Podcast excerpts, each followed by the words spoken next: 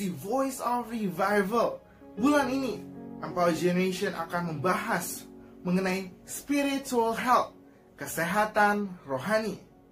Apa itu spiritual health? Nah, sepanjang bulan ini kita akan membahas mengenai spiritual check up, mengenai spiritual fitness, mengenai guarding our spiritual health, dan terakhir mengenai impact atau dampak dari spiritual health. Jadi seperti yang kita ketahui bahwa tubuh kita terdiri oleh tiga hal. Yang pertama adalah tubuh, yang kedua adalah jiwa, dan yang ketiga adalah roh. Nah, sering kali orang-orang, bahkan generasi muda, hanya mementingkan mengenai menjaga kesehatan fisik mereka, physical health mereka, atau menjaga mental health mereka, yaitu uh, kesehatan mental mereka tetapi tanpa mereka sadari bahwa hal yang ketiga yaitu spiritual health merupakan kesehatan yang paling penting.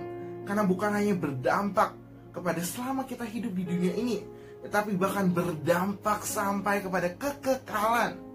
Dan ketika kita sebagai generasi muda kita menyadari bahwa kita harus memiliki kesehatan rohani maka otomatis atau pastinya kita akan juga memiliki mental health dan juga physical health yang healthy atau yang sehat. Nah, sama seperti ketika seseorang sedang mengalami yang namanya sakit, pastinya orang tersebut datang ke dokter atau ke rumah sakit dan bertanya atau melakukan yang namanya check up. Artinya dia dicek apakah dia memiliki gejala-gejala penyakit tertentu seperti misalkan flu, batuk, pilek, atau demam. Nah, sama seperti halnya dengan spiritual health. Ada yang namanya spiritual check up. Jadi, apa itu spiritual check up? Itu adalah check up yang kita lakukan terhadap diri kita sendiri untuk menguji atau untuk mentes apakah kita memiliki kesehatan rohani yang sehat atau tidak. Di dalam Kolose 1 ayat 9 dikatakan bahwa sebab itu sejak kami mendengarkannya kami tiada berhenti-henti berdoa untuk kamu. Kami meminta supaya kamu menerima segala hikmat dan pengertian yang benar untuk mengetahui kehendak Tuhan dengan sempurna sehingga hidupmu layak di hadapannya serta berkenan kepadanya dalam segala hal. Dan kamu memberi buah dalam segala pekerjaan yang baik dan bertumbuh dalam pengetahuan yang benar tentang Allah. Nah kita akan mempelajari sama-sama mengenai 10 tanda kesehatan rohani kita. Mari kita sama-sama minta Tuhan koreksi Minta Tuhan bicara kepada kita Untuk menunjukkan apakah kita memiliki kerohanian yang sehat atau tidak. Yang pertama adalah Apakah saudara haus dan lapar akan Tuhan? Ini merupakan pertanyaan yang penting. Kapan terakhir kali saudara berdoa Melakukan saat teduh Memuji dan menyembah Tuhan? Pastikan bahwa jangan sampai kita hanya berhenti mengalami kasih mula-mula pada awal pertobatan kita. Tapi kita terus-menerus jatuh cinta dengan Tuhan. Kita terus-menerus lapar dan haus akan Tuhan. Setiap hari minggu, setiap kali kita ibadah di komsel atau di komunitas. Ketika ada firman Tuhan yang disampaikan, kita mendengarkan dengan peka. Kita haus mendengarkan firman Tuhan. Kita lapar akan firman Tuhan. Dan ini merupakan tanda yang pertama mengenai kesehatan rohani. Yang kedua, apakah hidup saudara makin dikuasai oleh firman? Artinya bukan hanya kita menjadi pendengar firman Tuhan, kita menjadi pembaca firman Tuhan, tetapi kita menjadi pelaku-pelaku firman Tuhan. Jangan sampai saudara hanya mendengarkan firman Tuhan setiap hari Minggu atau hanya membaca Alkitab, tetapi tidak benar-benar menghidupi, menghayati firman Tuhan tersebut. Mari kita sama-sama koreksi diri kita lebih lagi. Sudahkah saudara dan saya menjadi pelaku firman Tuhan? Yang ketiga, apakah saudara semakin mengasihi sesama? Ketahuilah teman-teman, bahwa semakin kita mengasihi Tuhan, pastinya kita semakin mengasihi sesama.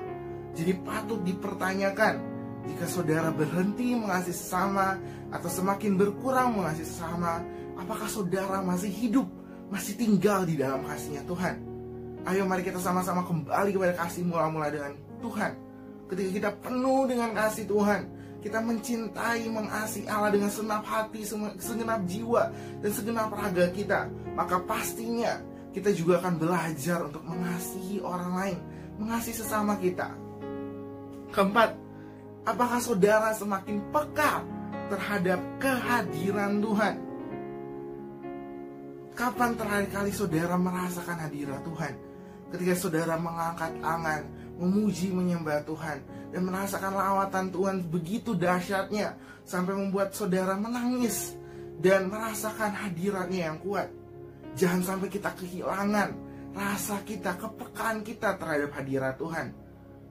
Ketahuilah teman-teman, bahwa hadirat Tuhan itu bukan hanya di gereja, bukan hanya di ibadah raya, di KKR, di retret, tetapi hadirat Tuhan itu kita dapat rasakan setiap hari melalui perjumpaan kita dengan Tuhan. Pastikan bahwa setiap hari saat saudara melakukan saat teduh, doa pribadi, pastikan saudara merasakan hadirat Tuhan. Jika saudara mulai kehilangan rasa hadirat Tuhan, ayo kembali kepada Tuhan, minta ampun, bertobat, cari kehadiran Tuhan. Pastikan bahwa saudara terus-menerus membawa hadirat Tuhan menjadi presence carrier, maka hidup saudara akan diubahkan. Kemudian yang kelima, apakah saudara makin peduli terhadap kebutuhan rohani dan jasmani sesama? Mengasihi sesama kita itu tidak cukup. Kita juga harus melakukan tindakan iman yaitu kita peka terhadap kebutuhan sesama kerohanian baik jasmani teman kita mungkin di dalam komunitas di dalam gereja di dalam youth atau kuliah kampus pekerjaan kita.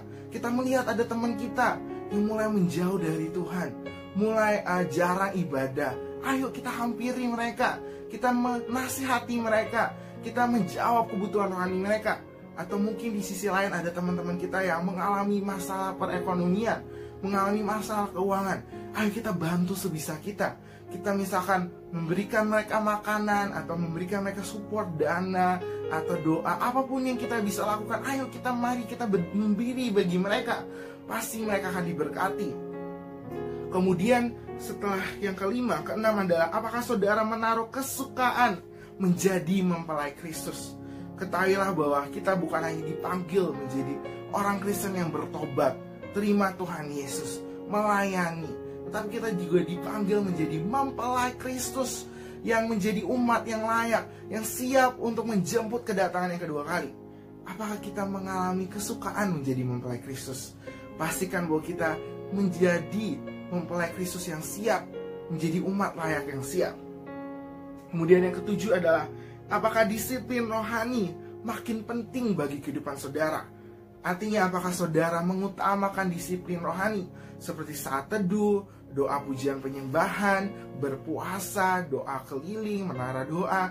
Apakah saudara memiliki gaya hidup tersebut atau justru saudara lalai dalam melakukan itu? Ayo jika terakhir-terakhir ini saudara merasa sudah tidak disiplin dalam melakukan disiplin rohani, ayo kita kembali kepada apa yang semula kita lakukan. Kemudian yang kedelapan, masihkah saudara berduka karena dosa? Banyak sekali generasi muda, anak-anak muda di luar sana yang karena terus-menerus hidup dalam dosa, terus-menerus melakukan dosa, mereka sampai kebal terhadap yang namanya rasa bersalah atau berduka. Mereka menganggap uh, dosa sebagai norma, sebagai kebiasaan, sebagai hal-hal yang mereka anggap sehari-hari saja.